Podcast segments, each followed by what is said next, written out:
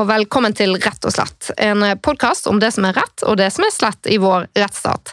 Mitt navn er Katrine Holter, og jeg er strafferettsforsker på Politihøgskolen. Og denne podkasten er sponset av Karnov juridisk forlag. I Orderud-saken så oppsto det en kamp om sannheten mellom de fire tiltalte. For ekteparet Per og Veronica Orderud var ikke enig med de to andre tiltalte, Kristin Kirkemo og Lars Grønnered om hva som hadde skjedd. Derfor fikk det stor betydning for domskonklusjonen hvem som fremsto som mest troverdig i retten. I dag lurer jeg på hvorfor Kristin og Lars, som begge hadde vanket i det vi vel kan kalle et kriminelt miljø, ble ansett som mer troverdige enn ekteparet, som på dette tidspunktet hadde plettfri vandel. Og eh, hvilke bevis var det som til slutt felte de fire i retten? Dette er del to om Orderud-saken, og eh, dagens første gjest er forsker Lisbeth Fullu Skyberg. Hun er for tiden min kollega på Politihøgskolen, men er også tilknyttet Universitetet i Bergen. Lisbeth har ikke forsket på Orderud-saken, men hun har eh, skrevet en doktoravhandling om hvordan domstoler mer generelt vurderer troverdighet. Dette gjorde meg eh, nysgjerrig på om eh, Lisbeth ville gjenkjenne noe av det som hun har identifisert i sin troverdighetsforskning, i måten domstolen beskriver bevisene på i Orderud-saken. Jeg har eh, derfor bedt Lisbeth om å lese dommene i saken og å se NRK-dokumentaren i forkant. Velkommen til Rett og slett. Tusen takk. Hva er egentlig troverdighet? Ja, Det er jo egentlig et stort og godt spørsmål. Eh, fordi at eh, Og det lå jo til grunn for at jeg hadde lyst til å skrive eh, om det temaet i min doktorgrad òg. Jeg ville se på hva er det dommere egentlig mener når de konkluderer med at noen er troverdig eller ikke. Og du er rettssosiolog, ikke sant? Ja. ja. Um, og så er det jo sånn at Bevisbedømmelsen er fri. Vi har jo ikke en metode for vurdering av faktum. Vi har en metode, en eh, juridisk metode, den gjelder jo de juridiske spørsmålene. Eh, men for å vurdere bevis er liksom sunn fornuft kompetansekravet.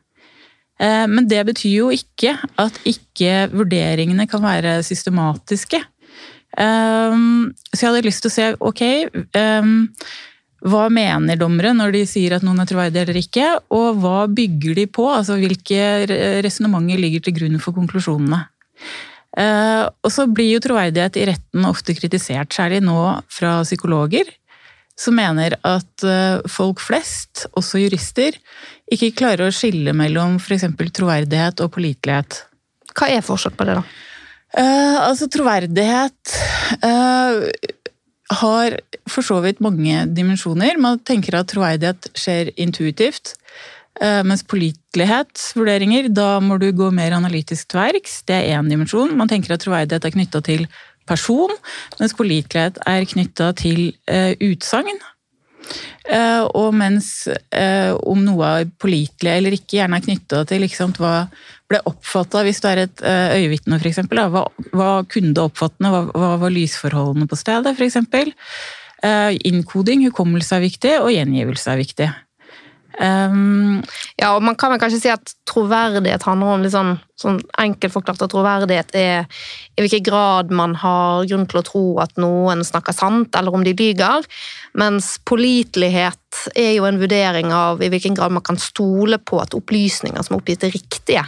Mm. Uh, og det, for eksempel, eh, Noen kan jo være troverdige i at de tror de sier noe som er sant, men at de husker feil, f.eks. Og da vil det jo være liten pålitelighet ja. til de opplysningene. Ja, og det eh, som psykologer er opptatt av, det er jo at troverdighetsvurderinger er jo litt fordi de er intuitive ofte, så er det jo lettere å gjøre enn en eh, pålitelighetsvurdering. Eh, og at man ofte kan slutte direkte fra troverdighet til pålitelighet. Mens det er viktig å vite at troverdige vitner kan komme med upålitelige opplysninger, og eh, motsatt. Ja, Så de ja. kan snakke sant, men si noe som er uriktig. Ja. Um, ok, um, eller i hvert fall to at de snakker sant. Ja, og det skiller man ofte bruker i jussen som er mer innarbeida enn akkurat troverdighet og pålitelighet. Selv om man skiller i loven, i straffeprosessloven, så bruker man det som eh, personutsagn. Eh, så snakker man ofte om evne og vilje. til å snakke sant. Og Ja. evnen er da mer knytta til eh, pålitelighet. Og så er det jo, får jo man høre fra psykologer at eh, vi er overhodet ikke i stand til å bedømme troverdighet. Man kan like gjerne kaste mynt for å finne ut om noen snakker sant eller ikke. Mm. Det stemmer ikke helt med mine sånn personlige erfaringer fra hverdagslivet. Hvis jeg, særlig hvis jeg kjenner en person, så, så mener jeg at jeg kan identifisere når den personen lyver. Ja, og der vil jo uh, mange psykologer være uenige med deg. Uh, men så er det også sånn at vi er bedre, selv om vi ligger sånn på 54% og kan omtrent kaste kron og mynt, Uh, i, basert på disse psykologiske eksperimentene. Så er vi faktisk bedre til å identifisere sanne utsagn enn falske. Eh, og det er fordi at vi tolker som regel så tolker vi med det de kaller en sannhetsbias. Da vi har en forventning om at folk snakker sant, og folk snakker jo som regel sant. Eh, og derfor er vi bedre til å vurdere det, eh, og dårligere på å vurdere falske utsagn. Ja, ok. Vi skal komme mer tilbake til troverdighet og din forskning, for du har annet laget en, en slags metodelære for hvordan man i, faktisk satt i domstolene vurderer troverdighet, og dette her er jo da altså sånn helt sentralt blir det her i domstolene og i retten i Orderud-saken. Mm. Men jeg vil bare introdusere dagens andre gjest, eh, Øystein Millie, som fortsatt er krimkommentator i VG, programleder i Krimpodden, som også har skrevet bok om Orderud-saken og står bak dokumentaren til NRK om denne saken. Og han var med i del én av denne episoden. Hvis du ennå ikke har hørt del én av denne episoden og ikke kjenner Orderud-saken fra før, så anbefaler jeg at man hører denne episoden først, for der går vi altså grundig gjennom alt som skjer frem til disse sakene da skal opp i retten. Og nå i denne episoden så er det bevisene som står i fokus, og det som skjer i domstolene. Velkommen tilbake igjen. Takk for det. Når var det troverdighet ble så sentralt i Orderud-saken? Det var sentralt fra si, fem minutter etter at eh, Kristin Kirkemor Lars Grønnerød var pågrepet, nærmest. For da, da begynte det som har blitt kalt kampen om eh, sannheten, kampen om troverdigheten i Orderud-saken. Og da var det først de to. eh, Men så gikk det jo ikke mange dagene før ektepar Orderud ble pågrepet, som vi var inne på i forrige episode, og da var det fire som kjempet om sannheten, eller i hvert fall tre. Ektepar Orderud sto for så vidt sammen, men det var tre, og det ble tre forskjellige i større eller mindre grad. Eh, Så traff Kristin og Lars Grønnerød, eller Kristin Kirkemo og Lars Grønnerød traff hverandre på noen punkter og var enige på noe, men også hadde sine uenigheter, eh, ganske mange òg. Og da handla det jo om å, å bli trodd. Og så var jo situasjonen den at alle ble jo etter hvert eh, tatt i løgn, eller måtte erkjenne løgn. Så alle har løyet på noe? Alle har løyet på noe. Eh, Så det er klart at det, det ble Det er en ekstremt interessant eh, eh, situasjon, eh, hele, hele den bevis- og avhørsrekka da, av de fire. Og, ja, det, det, og det man begynte jo Vi kan jo begynne med det i forhold til troverdighet. Så begynte man jo Vi var inne på at ekteparet Orderud ble jo pågrepet fremstilt for tingretten i Lillestrøm. Eller det heter vel da forhørsrett. For varetektsfengsling. For varetektsfengsling. Eh, Altså fengsling frem til rettsmøtet. ja, dommeren mente det ikke var skjellig grunn til mistanke. Det var altså ikke mer sannsynlig enn ikke at de var med på drapsplanlegging og drap. Ja, og så kan man tenke seg at det kommer en uh, rusmisbruker, eh, alenemor uten omsorg for barnet, litt sånn uh, beskrives som vill. Kristin Kirkemo har sagt noe, og så kommer det en småkriminell Oslo-kar som heter Lars Grønnerød og sier noe, og så kommer det en jurist eh, og odelssønn og en veterinærstudent og sier noe. Eh, Og de to siste har ingen vandel. Nei, og da mente jo retten at det var mer sannsynlig at uh, Per Veronica snakka sant. For å bruke en veldig enkel uh, Si det litt enkelt og litt forenkla, så var det jo det trekket ut av den kjennelsen, var jo det. Og de sier vi har ingenting med dette å gjøre. Det er Kristin Lars som prøver å bli kvitt ansvaret ved å plassere Ja, det på oss. Og så har jo blant, annet Kristin Kirkemo sagt at, og, og Grønnerud delvis har jo sagt at det var våpen på gården et juleselskap, etter et juleselskap i 1998, altså jula før drapene. Og Kristin Kirkemo i hvert fall har vel sagt, så vidt jeg husker, at det ikke er et vådeskudd. Jeg lurer på om Lars også har sagt det, men i hvert fall det er på bordet at det har gått av et vådeskudd. Og så blir jo ekteparet løslatt, og politiet har en krise, for de eh, vil jo ha alle fire i varetekt for å kunne nettopp gjøre det vi snakker om nå, avhøre dem separat, for å finne ut av hvem som snakker sant og hvem som ikke snakker sant, uten at de skal kunne samordne forklaringer eller fjerne bevis. Og så er det helt på tampen, før, jeg tror det er kvelden før lagmannsretten nærmest skal behandle dette her, nå tar jeg litt forbehold, men i hvert fall i det lille tomrommet da, som oppstår, fordi Eh, bare for å ta med det da, altså Tingretten, eller unnskyld, forhørsretten da, ga oppsettende virkning. og Det betyr jo at du blir jo, selv om du er løslatt per definisjon, så blir du sittende i påvente av en høyere rettsinstans, altså lagmannsretten, behandler fengslingsspørsmålet. Ja, oppsettende virkning er et litt sånn, litt sånn forvirrende fagterm. altså det, man, det, det, burde egentlig vært kalt utsettende virkning. Ja. Ja, så ja, selv, om, fordi... selv om domstolen mener at, eller forholdsretten mener at det ikke er grunnlag for å fengsle, så kan du bli sittende frihetsberøvet i påvente av behandling av en anke. Det er en slags respekt da, for en øvre rettsinstans, og på en måte vel en anerkjennelse av at det er bedre at eh, man, man, den risikoen det er ved å løslate en som tross alt ikke er så rent til mistanke mot, likevel er så stor at man må tåle den belastningen da, fram til man får en ekstra vurdering i lagmannsretten. Og dette tomrommet det tar jo noen dager, eh, stort sett, fordi at det er litt prosess. Eh, Også, Som er jo egentlig ganske interessant eh, digresjon her, fordi at hele denne ordningen betyr jo egentlig at du sitter uten en veldig klar veldig klart lovgrunnlag, selv om det da selvfølgelig er lovhjemlet at man kan gi utsettende virkning. altså oppsettende virkning. Ja, du sitter uten skjellig rundt til mistanke, i hvert fall. da. Eh, sånn som tingrettsdommeren har, eh, som det heter nå, har vurdert det. Eh, men det som da i hvert fall skjer da, i dette tomrommet, vakuumet, som ikke ble et vakuum, men som ble da jobber jo politiet på spreng for å se om er det noe mer her. Eh, og så er det en situasjon hvor man går inn på cella til Lars Grønnere og sier at eh, nå er ekteparet løslatt. Eh, liksom, og underforstått, du og Kristin er ikke trodd. Så sånn, sånn ligger det an. Har du noe mer å si? Nei, jeg har ikke noe Nei. Og så går politimannen ut igjen, og så blir stoppa i vakta på vei ut av en betjent. I den ferd med å forlate. Grønnere vil prate med deg likevel. Ok, går tilbake igjen, og så jeg Dette er litt på husk, dette òg, men jeg er ganske sikker på at det er, er ganske på merket. Så sier Grønnerød uh, at han uh, har hørt, mener jeg, at det var godt et vådeskudd på lille julaften. Og at det har kan truffet bordet, og et bilde har blitt skada. Jeg skal ta litt forbehold om det var Kristin eller Lars som sa dette, her, men i hvert fall i det vakuumet så får politiet opplysninger om at det skal finnes fysiske, eller kan finnes fysiske bevis for dette vådeskuddet. Som altså Per Veronica har jo sagt aldri sett et våpen på gården lille julaften, og aldri gått av et vådeskudd. Det Kristin og Lars sier om våpen på gården, er tull, tøys, løgn og fanteri. Bare tull. Kristin og Lars har sagt at jo, jo, det var våpen på gården. Kristin har sagt at det ble planlagt drap i detalj. Grønnere har sagt at det, det, er ikke han enig i, men at det var våpen, ja. Og at han ga en slags opplæring i sikker våpenbruk for å være litt ansvarlig i rommet. er vel, er vel han, hans enkle versjon. Så de står mot hverandre etter uh, de første dagene. Så går politiet inn på Ordre gård, og en betjent uh, drar til side duken på stuebordet og ser et, det som kan være et skuddmerke. Uh, og så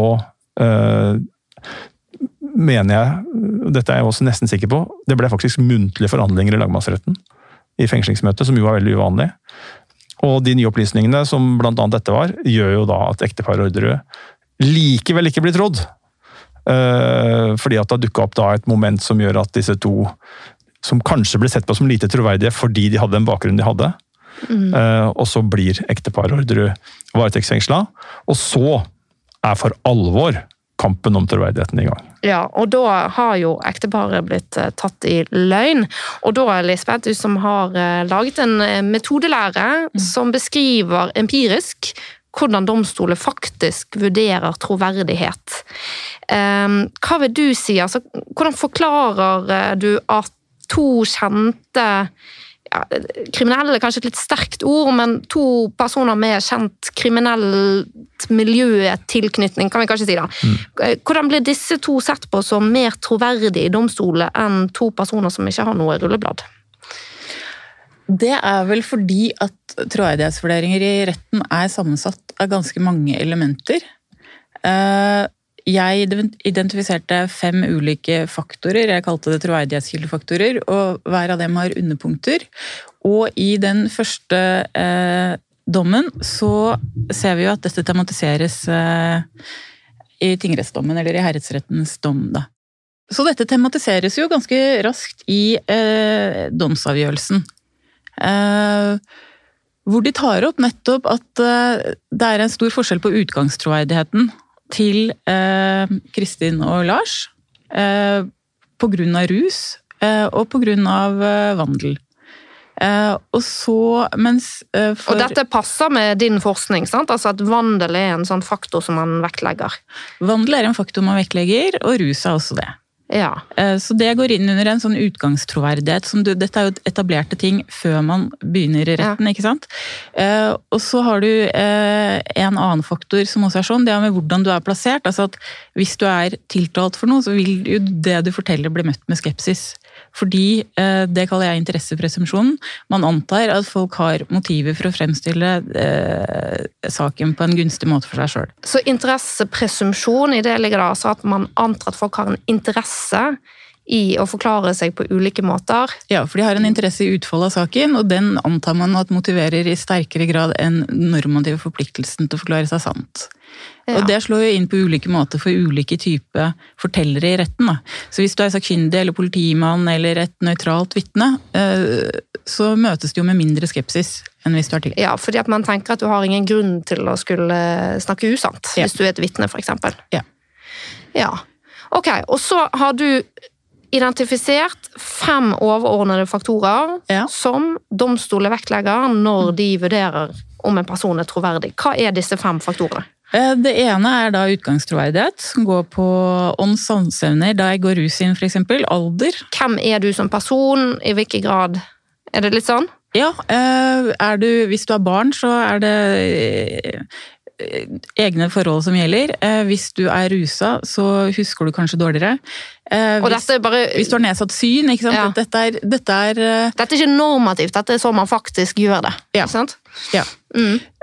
Og vandel går inn på litt ulike måter. Det gjør også vandel har en liten sånn flytende overgang mot karakter i det hele tatt. Mm. Um, og så er det den interessepresumpsjonen som er faktor nummer to.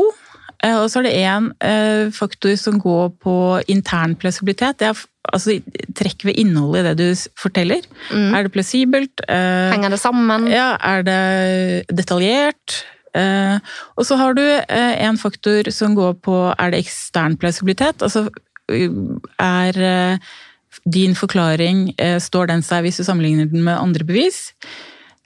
Og så er det fortellingsmåten. Ja. Og alle disse fem faktorene øh, fant jeg da i denne første avgjørelsen. I, fra herredsretten, fra altså den første dommen i Orderud-saken. Ja, fordi den andre der vet vi jo ikke noe om bevisbedømmelsen, for ble det, den ble avgjort av jury, så der er det straffeutmålingen. Det vi skjønner indirekte, er jo at det har vært en annerledes vurdering, fordi at utfallet er jo litt annerledes. Ja, og Øystein, vil du si noe om det? Hva er det som skjer i herredsrettens dom? Hva er det de kommer frem til? Nei, herresrettens dom, den øh, peker ut Kristin Kirkemo som en veldig viktig faktor i dette her. Øh, og ekteparet. De får jo alle 21 års fengsel. Og så mener jo herresretten at Lars Grønnerød er en nærmest uskyldig part oppi dette, her, som er trukket inn litt sånn uheldig. Han får jo en han får jo en, han får jo en dom som ikke engang forsvareren hans hadde pekt på mulighetene. Han blir jo dømt for uaktsom medvirkning til overlagt drap. Altså han, han har da vært uh, uforsiktig og sluntrende og, og på en måte ramla borti og, og medvirke da, til uh, det drapet som da er overlagt. Og Logikken er da at uh, han forsto ikke at disse våpnene som han var med på å levere, Nei. skulle brukes til drap, altså, og ikke bare til selvforsvar. Nei, så han blir jo trodd, på en måte, vil jeg si. Selv om han ikke ble frikjent, så er han nærmest å bli trodd. Og han går ut av det med en dom da på to år og seks måneder? Ja, og, ja. og den tror jeg, husker så vidt jeg husker, så tror jeg ikke de anka. De ville, den ville han ta. Ja, Det var påtalemyndigheten som da ja. anket over Lars sin, eh, ja. sin milde straff. Ja, og så kom jo da jurysaken eh, et år senere, knapt år senere, og, og der Eh, ender det jo annerledes. Eh, der ryker Lars Grønnerød inn på 18 år og får en eh, betydelig annen rolle, mens Kristin Kirkemo, som herresretten husker det, i sin domspremisser, det var veldig lite positiv til, hun får jo da betalt for å ha opplyst saken, blant annet, for å ha fortalt om juleselskapet. Og, og, blir jo den som går, i den grad man kan kalle noen for en vinner i en sånn situasjon hvor fire stykker uh, nekter straffskyld og alle blir dømt til lange straffer, så er hun den som på en måte går ut med minst straff, da, for å bruke det uttrykket. Og for Også den som er mest trodd, ikke Jo, mest trodd, og uh, utrolig interessant uh, i forhold til det vi snakker om, da, hvordan disse to rettssakene var helt forskjellige. Og den jobben som ble gjort. Med, jeg kan kalle det Team Kristin Kirkemo. Tor Kjærvik, Jonny Veum, hennes forsvarere. Som jo hadde en klient i første runde som fremsto veldig dårlig i vitneboksen. En ting er jo politiforklaringen og hva som er sagt, og hva du har, de ligger jo der uansett. Men så har du et ganske stort spillerom som, i, i, boksen, da, i tiltaleboksen eller vitneboksen, som forklarer deg som tiltalt. Og, og, de brukte jo mye tid på ting som skulle påvirke troverdighet imellom disse rundene. De videofilma henne. Og, på en måte Eh, pekte på hva hun gjorde mindre bra i første runde, og hvor hun burde liksom sette inn støtet, og hvordan hun kunne forklare seg på en mer tillitvekkende og eh, sympatisk måte. Og, og, og hun kom jo da i retten i en andre runde i en helt ny versjon. Uh, fortalte jo det samme, stort sett, men, men på en annen måte. Ja, og her kan jeg også bare skyte inn at uh, det er en forsker, Line Normann Hjort, litteraturviter. Hun har skrevet en doktoravhandling som handler om uh, Egentlig analyserer hun hvorfor det er Kristin blir fremstår troverdig i lagmannsretten og mer troverdig enn de andre, og hva det er som gjør at hun er den som på en måte går ut som, som eh, på en måte en vinner av sannheten her. Uh, Lisbeth, denne modellen din og Orderud-saken, og du har nå sett dokumentaren, du har lest dommene. Hva er det som eh, slår deg som spesielt i Orderud-saken opp mot det du vet om hvordan domstolen vurderer troverdighet? Eller hvordan passer det inn i din modell? Den passer ganske godt ved at alle faktorene er representert. Ehm, den tar opp en del av problemer. Altså, det virker jo som de, dette har de faktisk følt på. Fordi de tematiserer så tydelig at her har du to sentrale eh, aktører i saken, eh, Lars og Kristin, som jo gir mer informasjon enn ekteparet, eh, men som har en dårligere utgangstroverdighet. Eh, og i tillegg så er det jo en del av de På grunn av eh, deres tilknytning til kriminelt miljø ja, og, og rusmidler. Ja, ja. Og i tillegg så er jo en del av vitnene i saken eh, deres bekjente. Hvor mye av den samme problematikken gjør seg gjeldende. Eh, så de tar opp en del eh, problemer eh, knytta til vurdering av troverdighet. I dommen. I dommen. Så de nevner det at her er det mange vitner som tilhører et kriminelt miljø, og derfor så må man være ekstra forsiktig, for alle vet jo dette har vært tematisert for så vidt siden antikken og Platon, at vitnebeviset er et vanskelig bevis. Det er veldig mange feilkilder knytta til det. Um, og I tillegg så tar de også opp mediedekningen av saken. De tar det opp ved at det kan ha påvirka vitner, uh, ubevisst, eller uh, sånn at det er vanskelig å uh, vite hva du har hørt, og så gjenfortelle det rent på en måte i retten, og hva du har lest. Men de tematiserer ikke at den samme problematikken gjelder for så vidt dommerne. og um, en annen ting som jeg syns var litt interessant, for jeg må jo si at etter at uh, både har lest uh, dommene, men har sett dokumentaren, uh, så virker det jo Så blir man jo ikke helt klok på saken. og i starten så formulerer jo så formulerer herredsretten et beviskrav som for meg virker strengere enn det som vanligvis formuleres. De sier at i en sak som her så kreves det visshet. Ja, og den vanlige formuleringen av det strafferettslige beviskravet er jo utenfor enhver rimelig tvil, med andre ja. ord noe tvil. Noe tvil er det plass til, men her sier de at uh, her må vi ha visshet fordi det er såpass stor usikkerhet knytta til sentrale bevismidler. Ja. Um, og så tematiserer de også en annen uh, Altså, de uh, tar også opp et annet problem, nemlig Pers reaksjon da han fikk vite om drapene. Eh, og sier at det kan vi ikke bruke mot ham, fordi folk kan reagere at han ikke hadde en reaksjon vi kunne forvente. Eh, det er fordi at folk kan reagere på uforventa måter i sånne ekstreme situasjoner. Men stemmer det at eh, Per reagerte noe unormalt?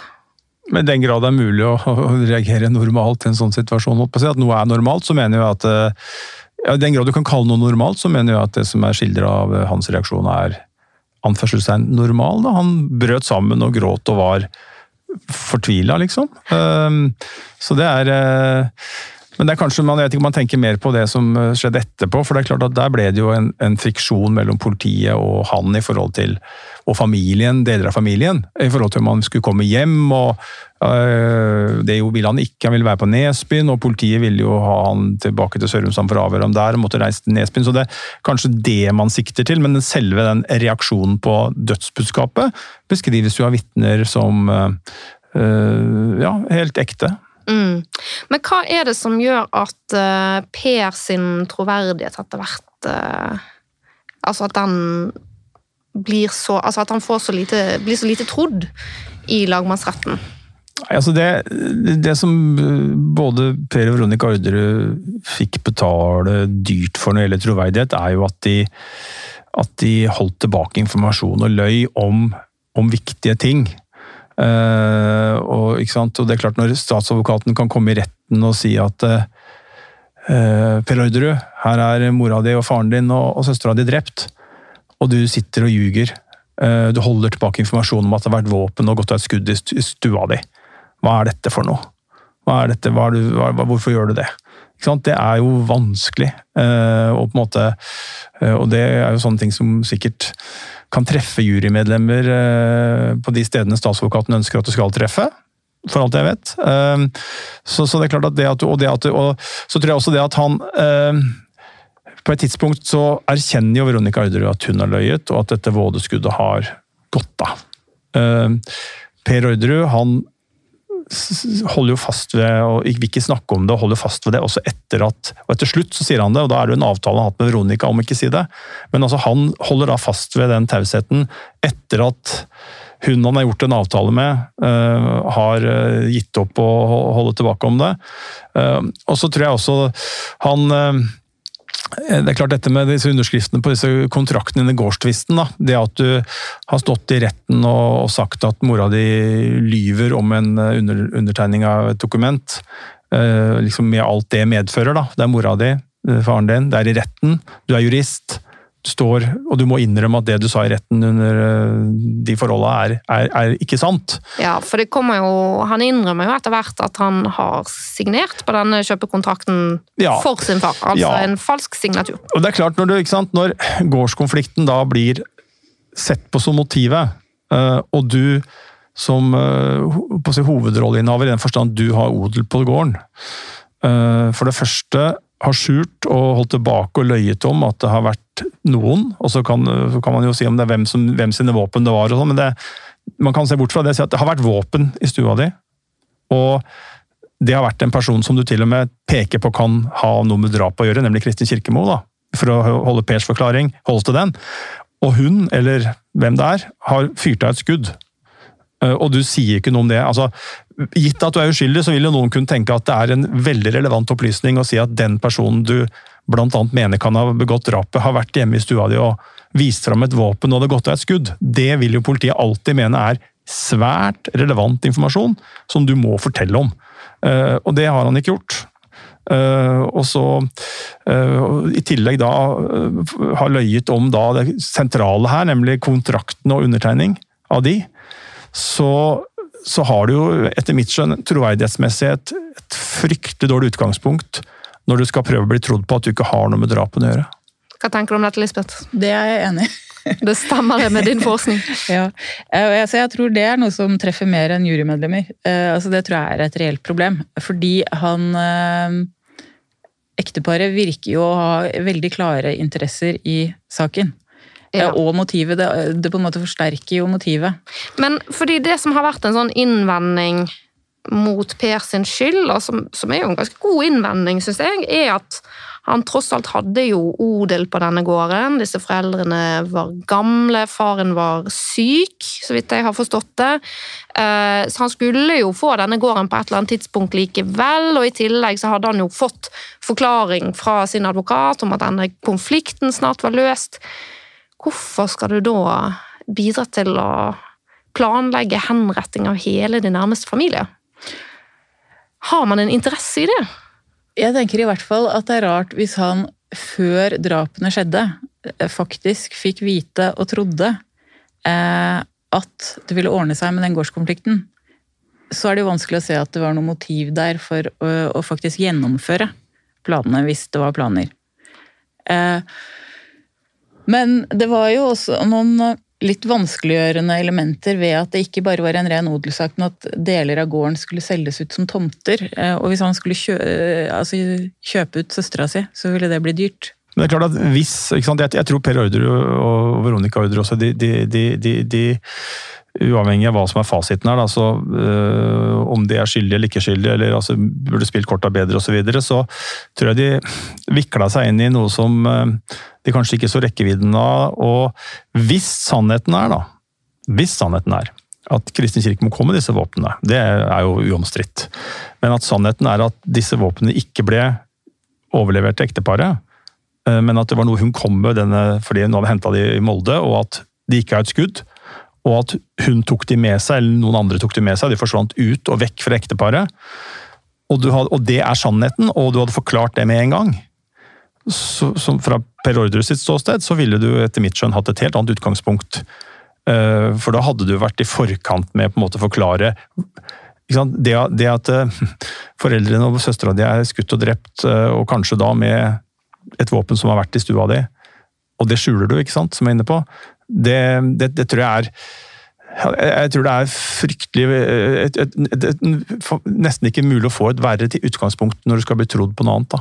Ja, og for å ta litt sant? altså Troverdighetsvurdering, Lisbeth, det er jo, avhenger jo da av hvilke tekniske bevis som faktisk finnes mm. også. ikke sant? Mm. Altså Det blir en del av en troverdighetsvurdering. er jo da hva var det du kalte det, ekstern plausibilitet. Mm. Hvor plausibelt er det du sier i lys av de bevisene som finnes i en sak? Ja, det virker rimelig at dette kan ha skjedd. Eh, også, og det vil jo være hvordan henger din egen historie sammen? Er eh, intern plausibilitet, har den et motiv? Fordi vi tenker eh, at da har den liksom et naturlig driv. Det er lett å tenke i den retningen forklaringen går.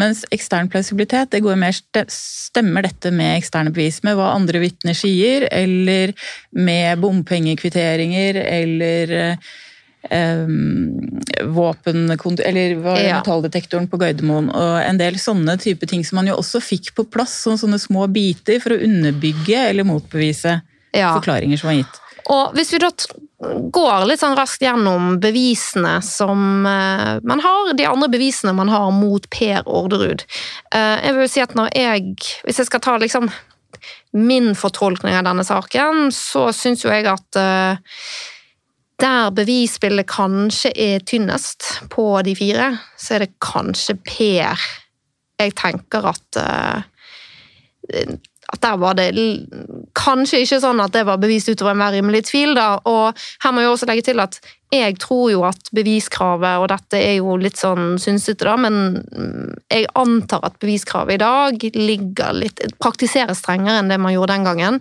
Det har kanskje da en sammenheng med at man i dag har hatt en utvikling som gjør at man har ofte tilgang til mer tekniske bevis, og er da mindre vant til at, man, at troverdighet blir så sentralt. I hvert fall i type drapssaker der det ofte er mye teknisk bevis, da, som det ble i denne saken. Uh, og så jeg er ikke overbevist om at eh, Per Orderud ville blitt dømt i dag. Uten at jeg dermed skal mene noe om han er skyldig eller uskyldig. Jeg forholder meg til at han er dømt. Nei, og jeg tror jo eh, Det var jo Tiltalebeslutningen ble jo utforma og hvilte på to punkter, og det er jo, det er, det er jo på en måte overordna sett det saken står og faller på. Det er jo sånn eh, Er det riktig? Kan man tro på Kristin Kirkemos forklaring om at i juleselskapet så planla Per, Veronica og Lars Grønnerød drap i Korbolien? det er liksom første spørsmål. Andre spørsmål er man, kan man tro på Lars Grønnerøds forklaring om at han kjørte opp til Per Orderud en gang i var vel påsken april 1999, en drøy måned før drapene. Og, et, eh, og, leverte da denne lille gutt, denne revolveren, som man jo da mener bestemt er drapsvåpenet, fordi man har funnet prosjektiler som det våpenet har skutt ut andre steder, og sammenligna med prosjektilene, ripesporene på prosjektilene eller uh, på påstedet, så man mener jo at denne lille gutt er drapsvåpenet. Og så var det en påstand fra Grønnere om at han hadde vært på ordre i går og bytta Altså, De to rugerne som Kristin Kirkemo kom med fra Molde, og som de snakka om at var på bordet i lille julaften. Ja, fordi Hun forklarer at hun dro til Molde for å skaffe våpen, og at dette var på bestilling fra Per og Veronica, og at Per hadde da eh, stilt til disposisjon 20 000 kroner, så han skulle betale for å få disse to våpnene. Ja. Så henter hun to 22-kalibers våpen, og det regnes som eh, våpen som egentlig ikke er helt egnet til å drepe noe med. Ja, det er jo Det er ikke så kraftig, Nei, altså. det er ikke kraftig, og det var jo et tema. Og så er det jo litt diskusjoner i forhold til uh, om det var en luger og en ruger osv. Men, det- men, men, men det er jo bare la oss holde oss til hovedlinjene akkurat nå. og Det er at eh, det er, at, eh, det er jo uomstridt, vil jeg si, at Kristin Kirkemo har vært i Molde og henta to våpen. Ja, Eh, og komme tilbake med kommer de. til de, og så begynner jo på en måte å, å si, og da er det dette vådeskuddet som går av, går av da før, før gjestene kommer, for det er et juleselskap da lille julaften, så går det et vådeskudd som gjør at vi skader i det bordet vi var inne på, og et bilde. Så bytter man ut det bildet og legger på en duk og på en måte gjør seg i stand med, med julemat og ribbe og pølse, og, og de gjestene kommer. Og så er det et helt vanlig juleselskap, og så øh, er jo Kristin Kirkemos forklaring, og delvis Lars Grønnerød, da, øh, at kommer, de er enige om at det kommer våpen på bordet. De plukker fram disse våpnene etter at alle andre er dratt, og så sier jo Grønnerød at han drev en slags våpenopplæring, og de skulle ha til beskyttelse, Per Veronica, tror jeg han sa. Men det viktigste var Kristin Kirkemos forklaring for retten, for det var den man, og politiet, for det var den man la til grunn, eller politiet ønska at skulle lagt til grunn. Det var jo at det var en, en, en detaljert eh, drapsplanlegging. Hvordan man skulle gjøre. Og den planlegginga, sier Kristin Kirkemo, den, sånn hun fortalte om den, den stemmer jo på mange punkter med, med det som faktisk skjedde. Eh, som jo også ble et poeng. Og så er det jo det, det er liksom det ene. Tror man på Kristin Kirkemos versjon av lille julaften? Og hun legger da inn at de skulle ta på seg drakter, og, og der forsnakker hun seg jo i retten også. Det er litt interessant, det ser man i disse opptakene som er med i dokumentaren på, til NRK. Ja, hun blir jo ikke spurt, det blir ikke stilt noe tilleggsspørsmål på det. Forsnakker seg, det vet jeg ikke. Kanskje hun bare sa feil. Ja, men hun hadde også en, og det skal sies til hennes forsvar, at hun hadde også en helt annen forsnakkelse eh, om noe helt annet. eh, på samme måte, hvor hun skulle si et ord, eh, og så sa hun et annet ord. Eh, så så, så Penger det, ikke å noe som helst. det behøver ikke det, men det var jo mange som har lagt merke til det i dokumentaren, ja. At Ja. hun sa at disse draktene vi, jeg mener de, skulle ha på seg. Eh, Så det har jo vært mange som har ment mye om. Eh, Men, eh, men det var ja, det vi skulle bruke sokker utapå skoene. Man eh, måtte passe på dette med såleavtrykk, at Veronica Ordre hadde små bein osv.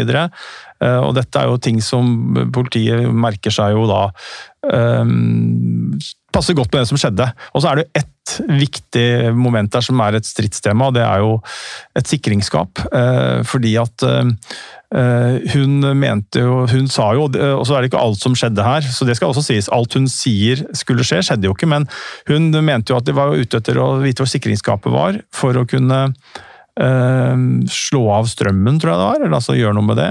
Og så Ja, for de var usikre på om de hadde installert alarm. Så. ja, det var sånne ting. Og så eh, tegna jo Kristin Kirkemo på et tidspunkt, eh, ble bedt av etterforskeren om å tegne det hun da hadde hørt. Eh, og så er spørsmålet om hun har hørt det, eller om hun har vært der. og kunne tegne ut fra at hun har vært i Korbolin. Men det som er poenget, var at sikringsskapet befant seg i første etasje I dette vindfanget. i vindfanget. Bak masse jakker og klær, som var så godt bortgjemt at politiet måtte lete og spørre seg for, for å finne det. Eh, og da er jo spørsmålet om eh, Og så mener jo politiet, og så er det Tore Sandberg litt uenig i det, tror jeg, men, eh, men de mener at det ikke har vært noen gjerningspersoner i første etasje. Ergo kan ikke Kristin Kirkemo ha sett sikringsskapet. For det første har det ikke vært gjerningspersoner nede under handlingen, og for andre så var det så godt gjemt at dersom det skulle vært tilfellet likevel, så er det litt sannsynlig at hun kanskje hadde sett det. Eh, eh, men, men, men så at hun må den, egentlig ha fått den opplysningen. For hun kan selv om hun skulle ha vært i andre etasje og drept, Ja. så kunne hun ikke vise, vite, mener politiet, da, at sikringsskapet befant seg sånn de gjorde som hun tegna på tegninga, og det må hun ha fått høre av Ja. Veronica Per under planlegging. Så her er det jo, Men ikke sant, dette er jo, når vi snakker om det nå, så skjønner du at dette, dette, er, dette er ikke sikre bevis, for Nei. å si det veldig forsiktig, men dette er jo et lappeteppe av opplysninger som man prøver å pusle sammen for å få en sannhet. da. Eh, og så er det dette, dette påske, påsketuren til Lars Grønnerød til Orderud gård. Det er jo punkt to som er liksom det viktige for å Når man dømte Per, eh, for han, som du var inne på, så er jo liksom, om Per Orderud, da er det han som Kristin og Lars mener liksom var pådriveren for å få bytte denne revolveren, eller få bytte en Ruger mot en revolver, og det mener jo da retten og påtalemyndigheten at fant sted. Men det er jo heller ingen sikre bevis for det, og man peker på en telefonkontakt som var veldig hyppig mellom Grønnerød og Per Orderud på forhånd. Grønnerød sier at det var mas om våpen. Per Orderud sier at han hadde dataproblemer. Og han lurte på å få hjelp av noe rundt, rundt, Lars på det. Som jo også viser at han hadde noen data, og han jobba med noen datagreier som han hadde trøbbel med. Så dette er jo øh, Ja, dette er jo interessant. Hva kan man si om eh, troverdigheten til en sånn forklaring? da? Er det noe mer sannsynlig at uh, sånne hyppige telefonsamtaler skal dreie seg om våpen enn om data? Det er det jo vanskelig å si noe om. Jeg kjenner jo ikke den saken så godt. Eh, jeg har, liksom, jeg har den kjennskapen jeg har gjennom å ha sett dokumentaren og lest disse avgjørelsene. Så det vil jo være mye sånn spekulasjoner om hva har de tenkt, hva har de blitt motivert av, de som har gjort vurderingen. Men jeg tenker at et problem for ekteparet var jo at de holdt liksom, De innrømma ingenting. Mm. Eh, og de innrømma ingenting før de måtte. Mm. Um, mens, mens, de to andre, som i utgangspunktet eh, hadde dårligere start, jobba i motbakke på en måte med sitt uh, utgangstroverdighet, uh, de inkriminerte jo seg sjøl. De samarbeida litt, og de uh, de, var, de framstilte seg ikke så rene. Og jeg la jo merke til i dokumentaren også at når når eh, Per sier han er veldig lei seg for at han ikke har forklart seg om dette tidligere, men han hadde en avtale. Mm. Eh, så sier han at han er veldig lei seg, og han har jo aldri gjort noe gærent før i hele sitt liv. Og dette er denne signaturen du sikter til, sant? Ja. ja. Eh, og det er jo også en litt sånn lite heldig, litt lite den, den, viser jo ikke så mye selvinnsikt. Vi har jo alle gjort ganske mye gærent i et liv, og for han så har det kommet smertelig klart fram i saken. Eh, så han var jo ikke noen spesielt god retoriker, vil jeg si.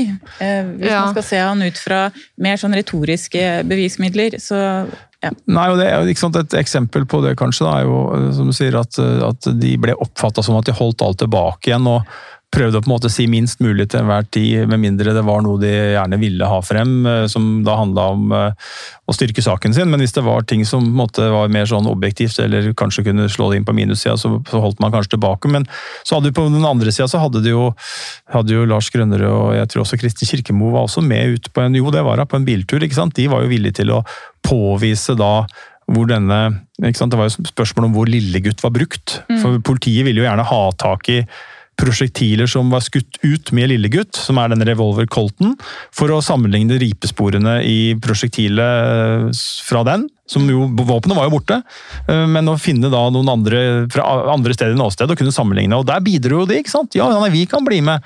Eh, så Lars Grønnerød, han, han bidro jo med på en måte altså Han kunne jo bare ikke sagt noe, så hadde jo aldri politiet og han og Kristin kunne holdt helt munn, så hadde sannsynligvis aldri politiet kunne bevise at Lillegutt var drapsvåpen. Eh, men fordi at de bidrar med å fortelle om hvor det er skutt, og peker, og politiet kan grave og holde på. Eh, og så er jo også dette, da har jeg skjønt, omstridt eh, nå, men, men for, la oss forholde oss til det som er faktum, i hvert fall per nå. Så, så, så øh, bidrar jo de til å på en måte si ja, det er mitt våpen som er drapsvåpenet. Og det er klart at det, det vil jo kunne kanskje bygge troverdighet med tanke på at men, men jeg har ikke gjort det. ikke sant? For hvorfor skulle du dra politiet bort og peke på 'her er jeg skutt', og dermed vise alle at våpenet mitt er brukt. Og så på en måte uh, slår det mot deg. Så jeg tenker jo at det, eh, det, det, illustrerer ganske godt hvordan man uh, spilte kortet annerledes. Mm. Og du sa til meg på forhånd når vi snakket litt om dette, Lisbeth, i forberedelsen, at som jeg synes var interessant, at det å inkriminere seg sjøl mm. er noe av det aller mest troverdige man kan gjøre. Ja. Hva mente du med det? Det synes jeg var godt sagt. Hvis du skal løse opp den interessepresumpsjonen som du har når du er mistenkt, så vil du aldri oppfattes som, som så troverdig som hvis du inkriminerer deg sjøl. For da handler det imot din egen interesse. Ja. Og det forklarte du at det kanskje da er forskjellen på det Lars og Kristin gjør, for det som du sa, de plumper jo ut med det ene og det andre. Ja, og de viser også vilje til å, å hjelpe til, da. Eh, og da spiller de jo på det som liksom fra eh, den klassiske retorikken er eh, overbevisningsmidler. Ikke sant? At du skal eh, At du skal Altså det kalles fronesis arete noia, som er forstand, karakter og velvilje. Eh, og de viser jo mer av eh, en sånn vilje til å hjelpe politiet. Eh, og de viser en ureddhet. Ja. Eh, og det er jo, Du ser jo det samme på ikke sant, hvis du skal få tilståelsesrabatt. Ikke sant? Du får jo det hvis du faktisk hjelper politiet. Eh, Det er ikke så mye verdt med en tilståelse hvis den ikke koster noe. Men um i Baneheia-saken så har man jo da snakket om dette her, eh, at et av problemene til Viggo Kristiansen er at samfunnet ønsker informasjon, alle vil ha informasjon, men hvis du er helt uskyldig og ikke har noe med det å gjøre, Mm. så har du ikke noe informasjon å gi. Altså, du kan ikke, du kan ikke tilby en forklaring, ikke sant? Mens Men når det viser seg da at du egentlig kunne gjort det, og det gjør du jo her, eh, så virker ja, det hva jo var det han kunne Altså, han kunne gitt mer informasjon om dette juleselskapet og vådeskuddet, sant? Ja, og den kontrakten. Ja. Ja.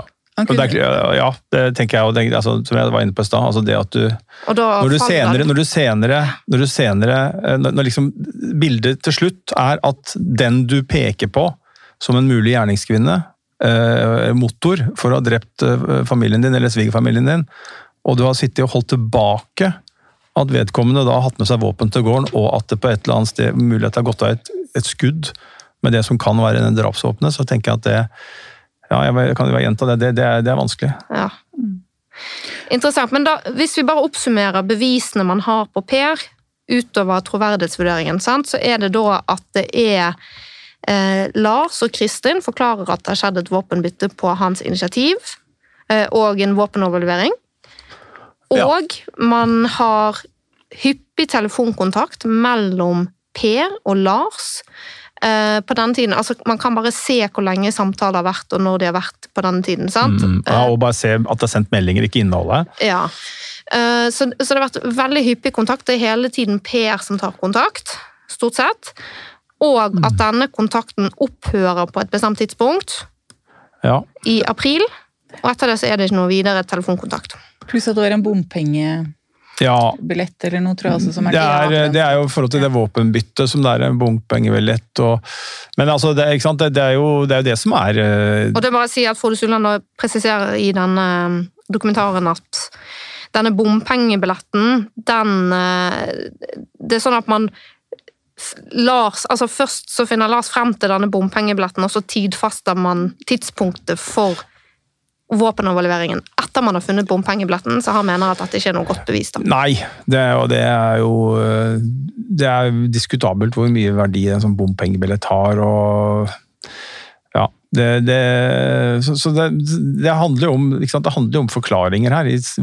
Mot Per Orderud, da, for, som vi snakker om nå, så handler det om at, at han har ikke blitt trodd. Uh, mens det har Kristin Kirkemo og Lars Grønner. Og så er det jo og så er det jo, som jeg var inne på, de to har også helt klart løyet. Øh, og det er jo spørsmål om måte, Det, er jo vanskelig øh, og krevende å skulle øh, manøvrere som dommer, eller øh, ja, som dommer da, i, i sånn, et sånt terreng, fordi at, fordi at eh, kan du være sikker på at du ser bildet klart nok? Eh, Du ser jo at noe, alle lyver, og så ser du at det er Kan du kanskje vurdere at det er mer sannsynlig at det du sier om noe er sant enn eh, motsatt, men samtidig så er det Ja, det er, eh, det er krevende, og jeg, jeg tror eh, eh, det kan ikke ha vært enkelt eh, på noe vis da, å være vært dommer i den saken der, fordi at, eh, som jeg er inne på, det er ikke sånn at eh, det er ingen som tilbyr bare sannheten.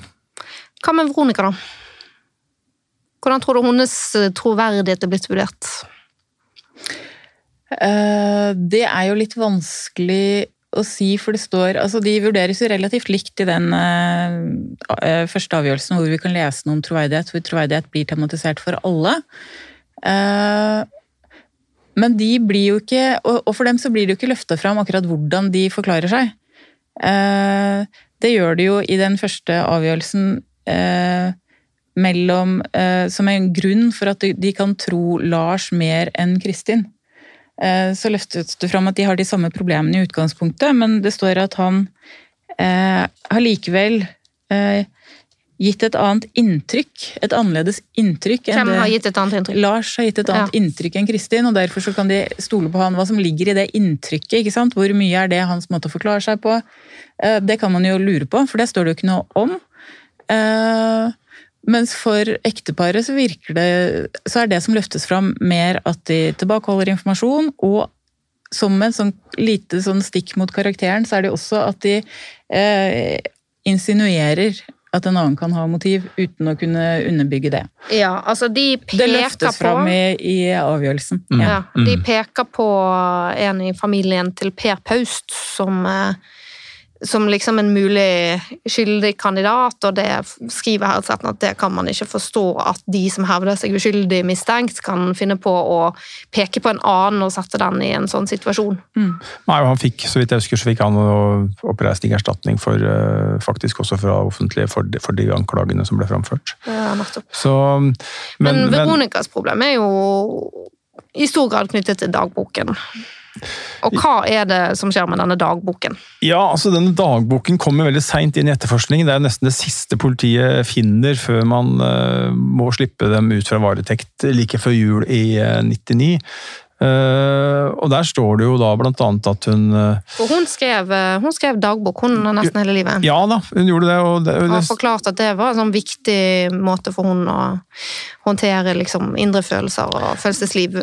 Ja, hun sier at det var terapi, og at hun var fortvila over denne gårdskonflikten som gikk på helsa løs, øh, og at det må dagboka må leses på, i den konteksten, og at dette hun skriver der ikke er liksom, bokstavelig ment, men at det er utlufting av frustrasjon. Og jeg har eh, noen av sitatene altså fra denne dagboken som politiet da finner eh, ganske seint i etterforskningen.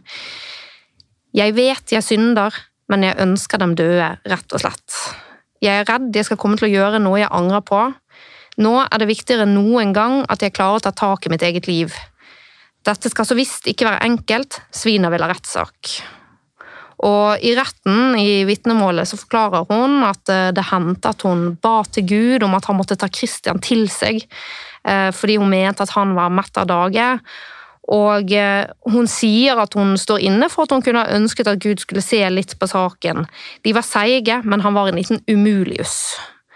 Um, det er klart at dette må jo ha noe å si for uh, troverdigheten, samtidig som jeg mener jo at uh, det er en stor forskjell på hva man ønsker og hva man har til hensikt å gjøre. Ja, og det er det jo definitivt. Eh, Og det, det ville jo ikke fått noen dømt i seg sjøl at hun har skrevet dette.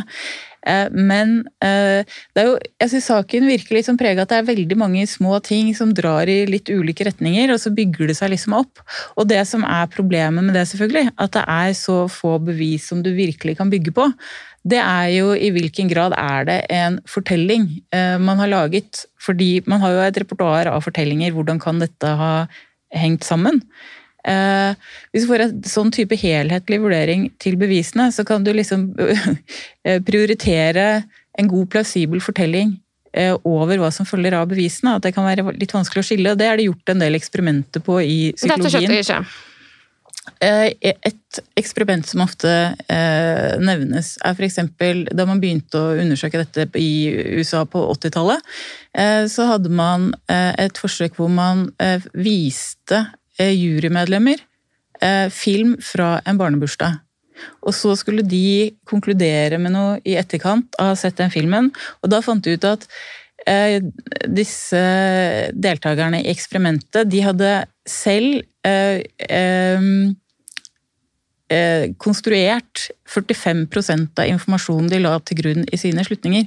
På hva som hadde skjedd i På hva som hadde skjedd, fordi de hadde forventninger. ikke sant? Dette er et normalt forløp. Vi vet hvordan en, å, en, en barnebursdag pleier å skje, eh, og da tror man at man har sett at det skjer. Så Dette er et sånt eksempel som brukes for å advare mot den type helhetlig fortellingsbasert eh, bevisvurdering. Da. Altså at man tar inn i det det som er et normalt forløp? Ja. Ja, At man tolker ut fra hva er en god fortelling, eh, på en måte generelt, fordi det er noen fortellinger. Vi har jo altså, gårdskonflikter og familiekonflikter og såre, vonde følelser og alt. Dette er det jo eh, romaner og eh, masse historier om overalt. Og det er jo litt sånn som jeg syns at eh, Så denne fortellingen om disse sterke følelsene og hatet og gårdskonflikten ja, passer med en slags sånn forhåndseksisterende Ja, og på en måte så syns jeg det kommer fram her også, fordi det står eh, Motivet er åpenbart, ikke sant? Eh, I grunnen, står det. i dommen, ja. Ja. Og så står det også samtidig det er ufattelig. Ikke sant? Eh, og det er jo en slags spenning i det. Og, og på en måte det at det er ufattelig, er jo en slags moralsk eh, klanderverdighet. Da. Eh, og det er jo ufattelig, sånn som du nevnte i stad, at det er jo eh, Det er jo vanskelig å forstå når du liksom blir losa gjennom hva som skjedde på, på åstedet, at noen faktisk kan ha gjort det. Mm. Eh, Ja, og det er, For det første ikke sant, så er det jo, det er jo sånn menneskets natur tror jeg, sånn finne svar på alt, egentlig. Alt fra livs eksistensgrunnlag og til, til hva som har skjedd i saker. og Det på en måte gjør jo at du leter jo etter argumenter og momenter for å kunne lage deg en fortelling som du kan tro på, uansett om det handler om rettssaker eller om det handler om noe helt annet. Um, og så er det jo sånn, eh, som jeg har tenkt mye på, at liksom ja, men dette kan jo ikke han ha gjort, eller dette kan jo ikke hun ha gjort, en kriminell handling. For det er jo så grusomt. Og så sånn, ja, men noen har gjort det, uh, uansett hva det er. Og jeg har også sittet i rettssaler og liksom Ja, jeg har sett folk tilstå, da. Liksom sånn De utroligste, ufatteligste ting, liksom. Og det gjør at det faller noen uh, illusjoner om at man uh, ja, jeg, jeg, jeg er blitt litt sånn at man kan liksom ikke ha som et utgangspunkt at øh, Man må nesten ha som utgangspunkt at hvem som helst kan ha gjort hva som helst. Mille, du må også snakke litt om 180-samtalen. Ja. For der eh, har jo du Mener jo du at eh, du kanskje har funnet et svar på den gåten. Så hva, først, hva var 180-samtalen?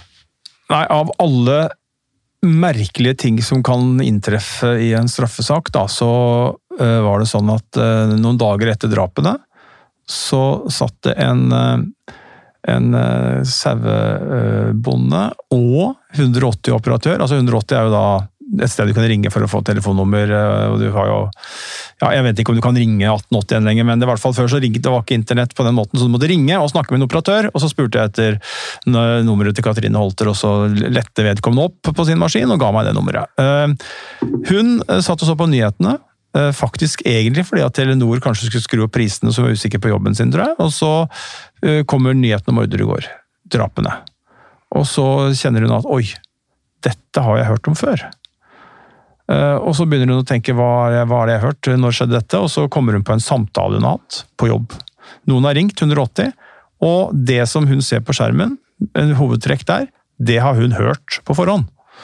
Eh, og så eh, tar hun selvfølgelig kontakt med sjefen sin, som varsler politiet, og så kommer hun i avhør. Og det hun da eh, husker, da, og dette er jo ikke opptak av, det er viktig å si for oss som eh, opplevde så er det en selvfølge, men det er ikke opptak av dette her. Det ble ikke tatt opp. Og man eh, klarer ikke på en måte å finne Det er hennes husk som blir, blir referansepunktet for hva som har skjedd. Og hun eh, mener da, sier da at det ringte en mann og begynte å spørre et telefonnummer. Han spurte etter, han spurte etter Orderud Paust, for hun husker det. for han, Hun sa at hun lurte på hva Ole Paus, og så ble hun irritert og sa nei, det er Paust. Så Derfor så husket hun det, at det var Paust som var involvert. Og Så gikk han videre over til å snakke om, eh, spørre etter nummer på Orderud gård. Eh, Og så begynner samtalen, og dette er jo mange måter å tolke den samtalen på. Jeg leser den som om at det oppstår en slags eh, fortrolighet, og at den samtalen etter hvert begynner å leve sitt eget liv. Altså det å, han, han forteller litt om, han får ikke riktig nummer, og han sier noe om at han har ringt eh, eh, noen på gården før, og de ikke var hjemme. Han beskriver at det er leieboer på gården.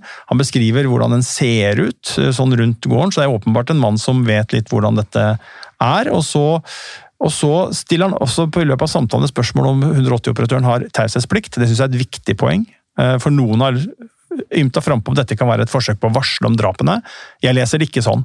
Utgangspunktet til 180-mannen er at han lurer på telefonnummer. Og så er mitt utgangspunkt for analysen min at, han, at samtalen lever sitt eget liv, og at han av en eller annen ustabil grunn eh, begynner å snakke om ting som han nok ikke har planlagt å snakke om, og spør bl.a. om hun har taushetsplikt, og det sier hun ja til.